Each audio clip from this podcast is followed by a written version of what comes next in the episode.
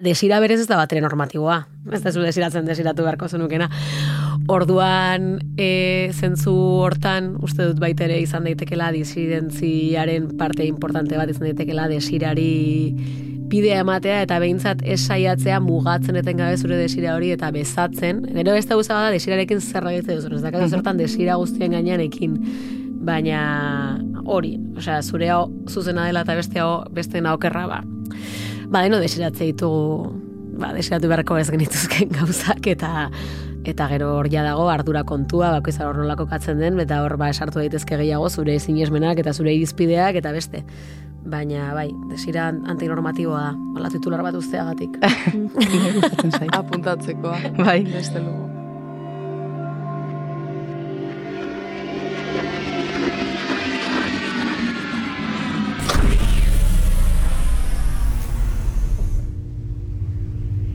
Aurretik, batera kokatu ditut lagunak eta porrota hitzak. Egia da, baina ez da erabatekoa. Esklusibotasunean oinarritutako azken kuadrilla taldea saldentzean nire familia biologikotik ere urruntzen hasi nintzen. Baina ordainetan komunitate berri bateko kide bihurtzeko aukera izan nuen. Sektarioa dirudien arren guztiz kontrakoa izan zen esperientzia. Tamalez, erritik kanpo.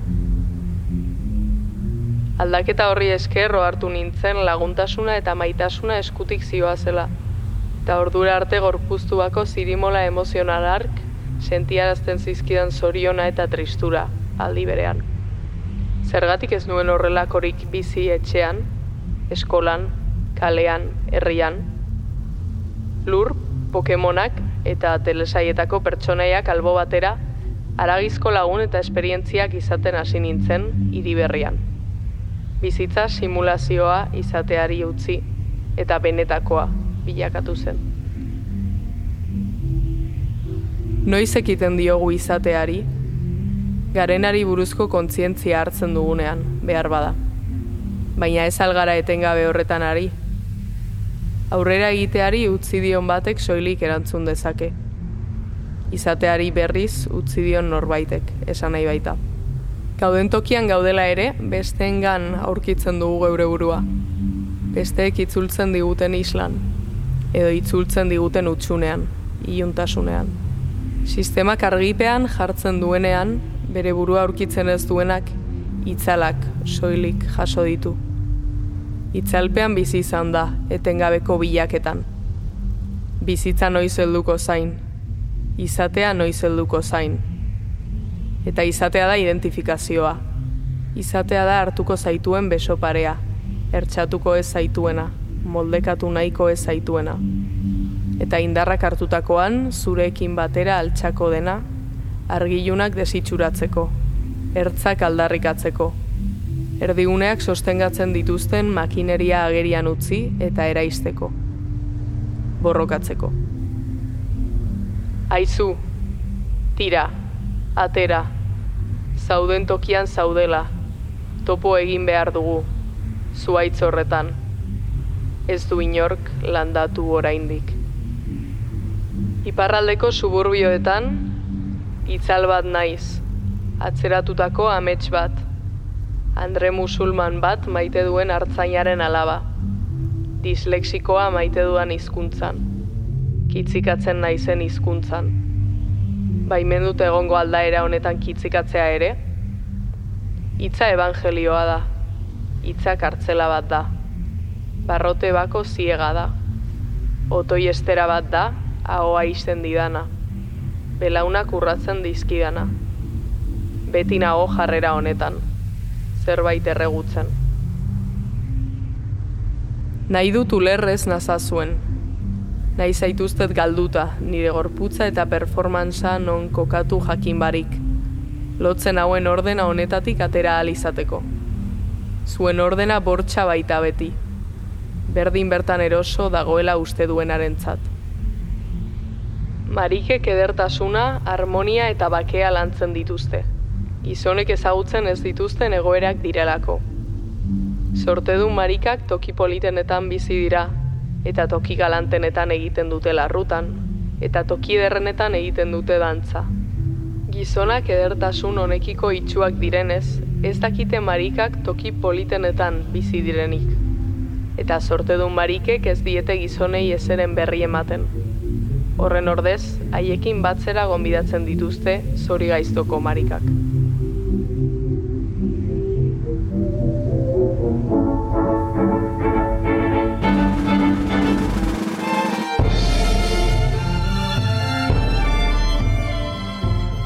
Ahots Planeta, irugarren denboraldia, bigarren kapitulua. Disidentzia.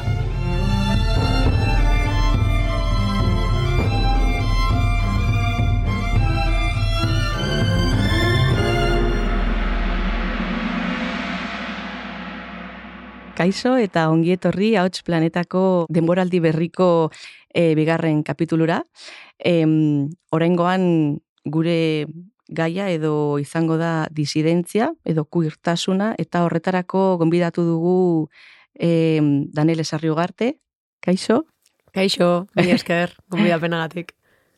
Eta bueno, berarekin e, ikertuko dugu edo bueno, asala kenduko diogu gai honi ez, nahiko poliedrikoa dena eta ea, ze kontatzen bai. digun. Ba, bueno, azteko mm, pixka bat definitu, behintzat e, eskuartean dugun apurrarekin bada ere, ba, zer den guretzako disidentzia, ez, e, zentzu pertsonalean edo orokorrean nahi dugun moduan. Bai, ze ulertu behar dugun disidentziagatik. Edo, Ba, nik oso definizio zabal bat eh, emango dut, disidentzia era askotakoa izan daiteke, baina, bueno, e, izenburuan bertan kugertasuna aipatu duzuenez, ba, ni e, batez ere hortan e, identifikatzen naiz beste toki batzutan baino disidenteagoa naiz horretan esango nuke, eta esango nuke markadutako bide batetik edo gauzak modu jakin batean egin behar direla dioen e, modu batetik eta modu jakin batean eta ez beste batzuetan eta modu horrek beste moduak baztertzen baditu, ba, pixkat hortik, hortik kanpokoa litzateke ez, niretzat eta disidentzia eta kubertasuna ere bai horrela ulertzen dut. mhm. Eta os, horrek sortzen dit zalantzatxo bat, oso ados nago, baina gero ez dakit gai izango nintzateken zehazteko, ea horrek kontzientziatik zenbat daukan. Hau da, mm, noraino, ba hori, den e, zuk izendatzea zeure burua ba, queer kasu honetan, eta e, ba, kontzienteki egitea ezarritako horren aurka, mm, edo bestela ba, inkontzienteki egiten duzunean maila batean, ba, hori non kokatzen den. Baduzu iritzirik horren inguruan. Bai, badaukat gutxi gora berako iritzi bat, eh, esango nuke e, bietatik baduela eta esango nuke e, askotan eta uste dut hain justu ere hori dela gure pentsamendu dualistaren e, beste e, adibide bat gehiago nola beti gaudenez biren artean e, e, erabaki beharrean eta aldiz askotan den bai eta bai eta ez eta bai eta biak batera aldi berean. Edo bai baina ez baina bai askotan, ez? Eta, eta zentzu hortan bai uste dut erabaki bat egon behar duela, e, segun eta ze bizi molderekin e, aurrera egiteko, e, bai, ze bestela denak eramaten zaitu beste toki batera. Orain ari naiz irakurtzen liburu bat, e, El fantasma lesbiano izena du, e, Barbara Ramajok idatzi du, eta, bueno, pixka bat iratzen du Monik Bitigen gorputz lesbiarraren e, ideia hortatik, eta aurrekoan oinoar bat bialeni lagun bati e, parrez ze jartze zuen oinoar batean e, ikertzaile batek ez goratzen ze ikertzaile zen, baina ikertzaile batek esate zuala nolabait e, intentzio handia eduki behar duzula lesbiana izateko, ze bestela denbora guztian ez, biltzatzen zaituela beste alde, beste alde batera e, arauak. Eta uste dut hori ez bakarrik lesbiana izatearekin, beste gauza askorekin, beste realidad eta beste izientzia batzuekin ez da berdina, ze kanpo begira askoz markatuagoa da, eta zure ezaguarri fisiko batzuen arabera egiten da e, bueno, jerarkizazio bat, tarduan zure disidentzia horren aurrean, ba, mm, nik uste dut hor, ba, e, jo, agian beste logika batzu dela, baina kuertasunaren kasuan nik uste dut badagoela e, erabaki puntu bat, eta auto puntu bat, eta eta gainera ez da, e, ez dakit, e, dia erabaki batzuk baitere ez direla egunero denbora guztian, baizik eta e, egoeretan, batzutan e, agian atzera egite duzu, beste batzutan gaurrerago jartzen zara, baina nik uste autu eta kontzientzia bat badagoela puntu batetik aurrera. Mm, bai, batzuentzat bizipenarekin eta diren horrekin e, ezinbestekoagoa edo alabeharrezkoagoa bizi, dela bizi izango dute, ez? Baina, zakit aurra zaranean, ba, ireintzen bat zaituzte luma daukazulako eskolan, ba, ba, bueno, ba, agian eh, lehenago hartu behar dituz erabaki batzuk, eta gauza batzuk agian ez dirudite hain kontzienteak, baina nik uste erabaki bat badagoela. Bai, eta, eta adibidez, ah, bueno, ez barkatu. ez, e, badakigo, aragua bat dela, baina gero disidentzia bada bera bakarrik bloke oso bat, edo ba, disidentziaren barruan ere badaude, e, nola esan, e, mm, hildo ezberdinak edo bakoitzak, osea, Bai, nik uste dut kontinumonaren ideia oso erabilgarria dela, e, alegia dagola, ba hori, kontinum bat, osea ez dela bide bat eta beste bide bat horien artean e, amildegi bat, eta uste dut norman ere bai hori badagoela, e, aldezu norma guztiz bete, edo gauza batzuan guztiz bete eta beste gauza batzuk ezkutuan geratzen dira, Ze, arauarekin Mhm. bat egiten dutenen anistasuna ere bai hor dago, baina bueno, ez da gaurko gure gure gaia, eta eta disidentzian ikuste dut bai ez baduela baduela bide asko eta eta egon behar dutela, ez? Bai, bai, uste dut mono, monotik plurira pasa behar dugula, monokultibotik plurikultibora eta beste gauza batzuetan ere bai. E, bai, zentzu hortan ala ikusten dut. Eta aipatu dugu hori, e, baduela aututik disidentziak, edo izan dezakela gehiago edo gutxiago zuen kasuan, e, zenbat zenbateraino esango esango zenukete dagoela autu hori presente edo zertan mm, osea, mm, ez dakit, niretzat bai badela autua, mm, era bat nik uste dut, ze ez banago konforme, kan, osea, ikuste, eh, nire inguruan ikusten dudanarekin, ez, horren aurrean planto egin behar dut, eta esan, osea, beste zerbaitera ikitzera joango naiz, orduan, hori izango da autua, ez da, dinot. Ez dakit. Bai, nik bai eukidut luzaroan sentsazioa hautatzen nuela, aukeratzen nuela, baina e, beste aukera egiten zitzaidalako e, ez, ez bizigarria. Orduan hor ala beharra sartzen da. Eta gero, aipatu behar den beste gauza bada, aukeratzeko aukera duki behar dela ez. Bai. Eta hort- hortarako ere bai ezinbestekoa dela, eta zentzortan nik aukeratzeko aukera eduki dut, eta beste pertsona batzuek ez daukate, eta uste dut hori ere horre mai gainean e, jarri behar dela e, ze batzuetan zure bizitza arriskuan baldin badago, ba, ba, agian e, ez daukazu ez da ere, osea, zure mugimendu margena denontzat ez da berdina, baina mugimendu mar, margenik minimoena eukita ere hor aukera badago orduan, kasu batzuetan aukera izango da, irudituko zaigu oso, oso nabardura txiki bat, da beste batzuetan, ba, askatasun Mhm. margen handiagoa baldin badaukazu, ba, hartu ditzakezu aukera, bueno, ba, zabaltasun hori daukazu ez. Eta batzutan hori- batzutan eta askotan kanpo faktoreek eragite dute eta horiek ez daude gure gure esku. Mhm. Bai, Bai. ikuste mm, gure kasuan ba kuertasunaz ari garela, nire kasuan behintzat e, hori.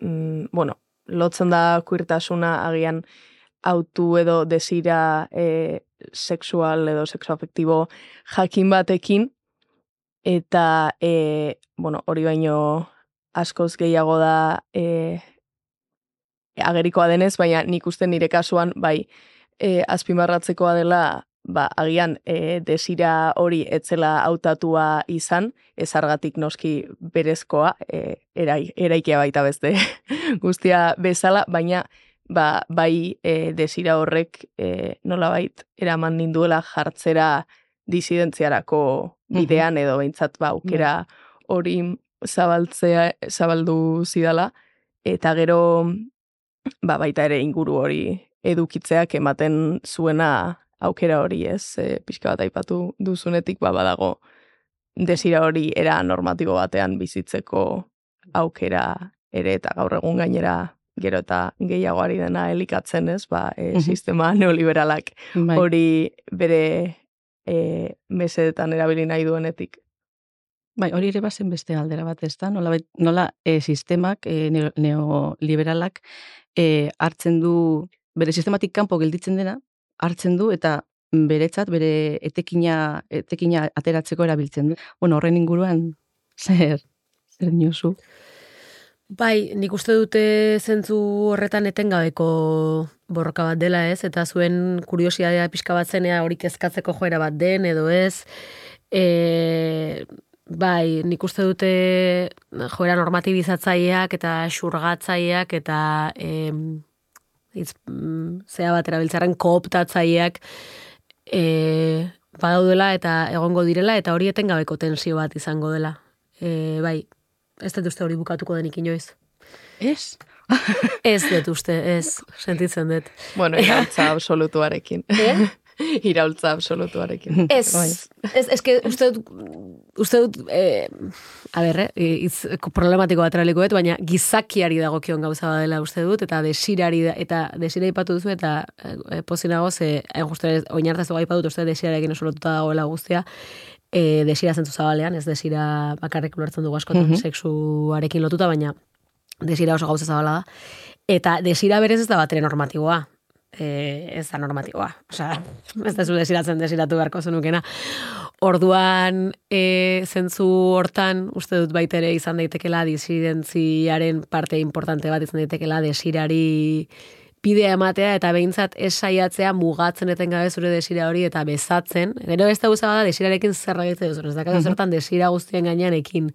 Baina baina hori, osea, zure hau zuzena dela eta beste hau beste okerra ba. Ba, deno desiratzea ditugu, ba, desiratu beharko ez genituzken gauzak eta eta gero hor ja dago ardura kontua, bakoizar hor nolako katzen den, eta hor ba esartu daitezke gehiago zure sinesmenak eta zure irizpideak eta beste. Baina, bai, desira antinormatiboa da, hola titular bat usteagatik. Zait. Apuntatzekoa. Bai. Bai, baina ez dut uste bukatuko anik, eta uste dut etengabe saiatu beharko dugula normatibizazioa alegin joien kontra borrokan. Bestea beste ez, ez diot, e, diot gertatu delako. Gertatu delako eta ikusten ditugulako irakurtze dituzu orain dela ezain beste urteko testuak, berroi urteko testuak, eta ikusten duzu saiakera batzuk ja hor daudela, ez eta etengabe dela olatu, ez marea bat bezala, Bai. olatu aurrera, olatu atzera, olatu aurrera, olatu atzera. Penduluaren teoria, ez? Ere deritzote horri bat. Ben gaudela Bai. motor baten, gero bestean berriro sari garela. Bai, ez dut, eza, ez dut ezagutzen teoria hori, baina bueno, bizitza mugimendua da, ez? Orduan azkenean uste dut hori hor, hor egongo dela. Ta bueno, pues bolada batzuetan etxegarriagoa da, beste batzuetan e, indarrez eta laitasunez hartzen duzu, baina uste dut bai izan daitekela peligrosoa pentsatzea ira, erabateko iraultzarekin bukatuko dela. Ez da, ez da bukatuko. Baina, nire utopia zapustu Bai, duzu. baina ez, baina, baina Bai, utopiarekin amesten jarraitu behar da. Bai. Bai, ez du esan nahi, osea, i- iri- e, e, et, e, ideal hori iritsiko ez dela jakitak ez du esan nahi, osea, hain justu ere horregatik Mm. jarraitu behar dugu, gero eta gehiago zabaltzeko, baina, Bai. Amets horrek mantendu bai, gaitu, ez? osea, hori da, hori bukatzen denean, desira bukatzen baldin badain justu ere, pues hori ja da, normalean, ba, hil, hiltze zeralako. Bai. Eta ze espazio edo ekintzatan esango zenukete materializatzen dela gehien e, zuen, zuen disidentzia hori? Bai, galdera potoloa da. Bai. Pentsatzen. Bai, ez dakit, e... Aberragia da ez duala nire lan egiten duan esparrua ez dela bereziki e... bueno, izan daiteke, baina ez dut bizi espazio hiperalienatzaile bat bezala. Orduan gauza batzuan bai iruditzen zaita agian ere disidentzia ora agertzen dela. Eta gero esango nuke espazio sozialean. Bai, espazio sozialean, ba, e, militantzian eta aizia e, ereduetan ere uste eta agertzen dela gauza batzuen disidentzia, beste gauza batzuetan e, kapitalismoaren morroia naiz. Baina, Gara. Gara, bai, eta gero bai. bizi erabakietan, ba, bizi erabaki batzuetan, bai, harreman sareetan esango nuke baietz, eta saiatzen ez kontsumoan baita ere, baina, bueno, hori ez, ez, ez beti, ez beti horra rapatuago nagoela onartzen dut. Bai, agian eragin dezakegun, eragiteko tartea ematen diguten espazio hori batez ere kolektiboak dira, ez? E, eta hain zuzen ere, e, askotan e- egiteko autu hori bide bat hartzeko behar dugu aurretik ba ezagutzea e, jende batek hartu dela bide hori. Zuek e, izan duzu delako erreferente- erreferenterik edo ze referente duzuek gaur gaurkoz, mm, talderik, pertsonarik.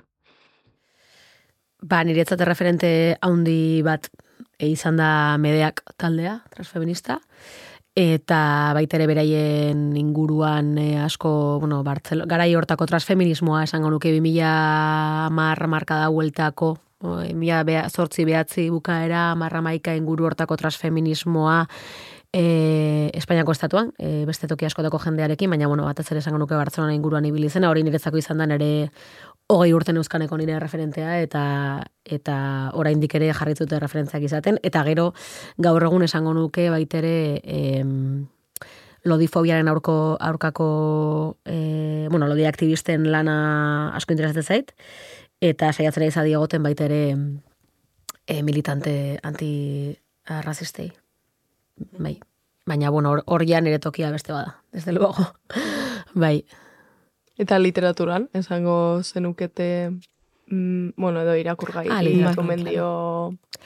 Bai, ni bai ekarriat gomendio bat, eta gomendio hori da, bueno, jende asko aipatu nezakez, jende asko kelikatzen dagoelako, baina e, ekarriat liburu bat ten aipamena, e, dela Jose Esteban Muñozen e, Utopia Queer, Eh, Chris in Utopia e, inglesez.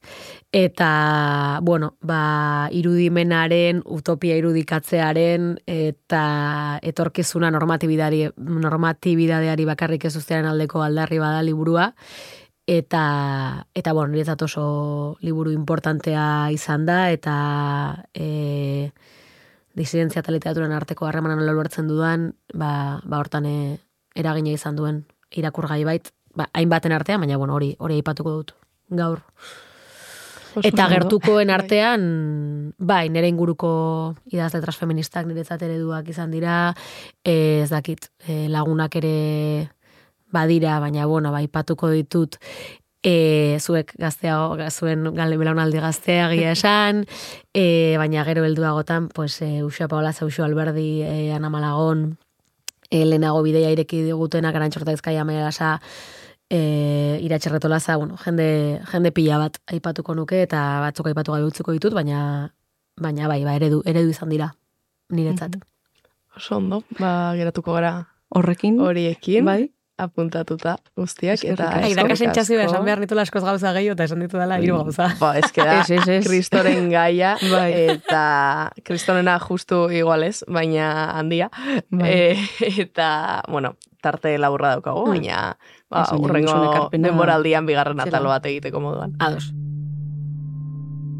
Barruan, kanpoan, beteta, utxik, ziurra, toksikoa, maskulinoa, femeninoa, zuria, beltza, nazionala, atzerritarra, kultura, izadia, gizakia, animalia, publikoa, pribatua, organikoa, mekanikoa, erdigunea, periferia, hemen, han, analogikoa, digitala, bizirik, ia.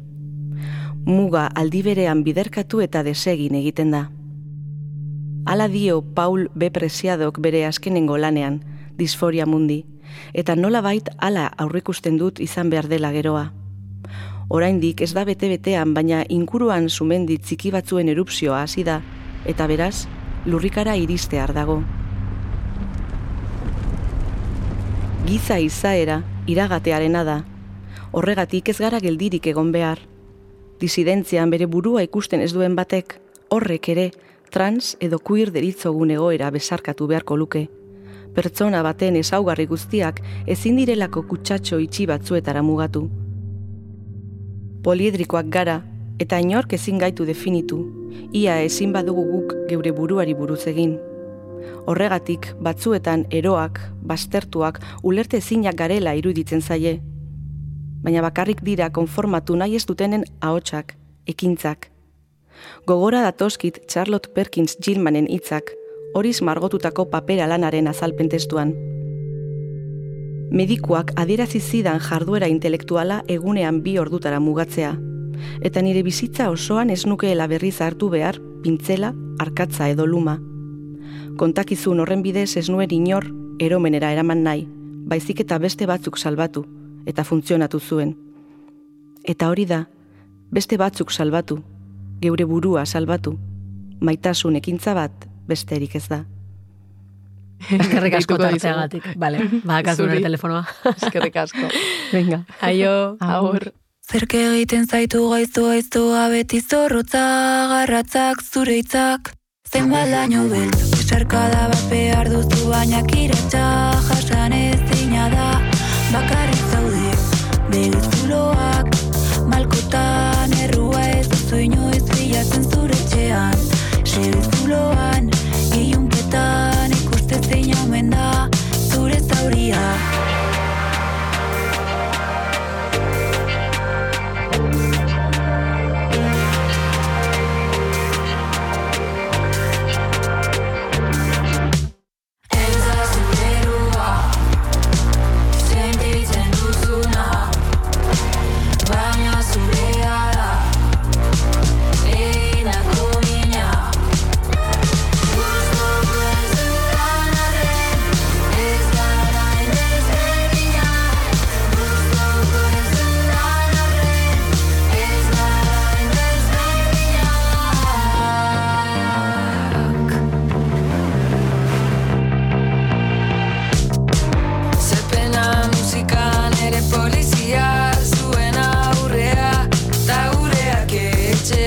Mutta näitä sun tiukkaa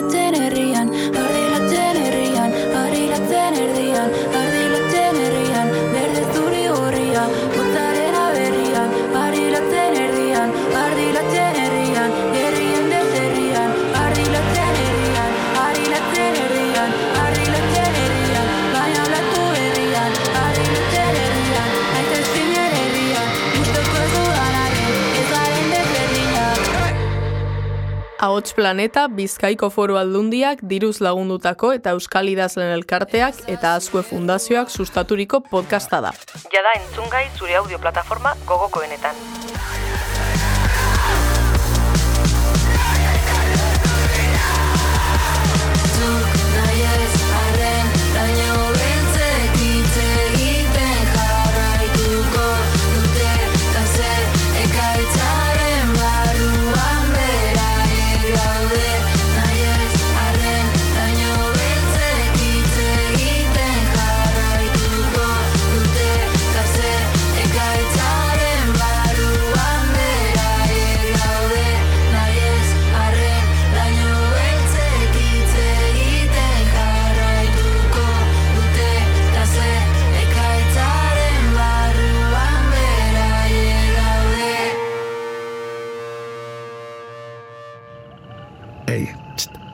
erantzun hori. Ulu Media.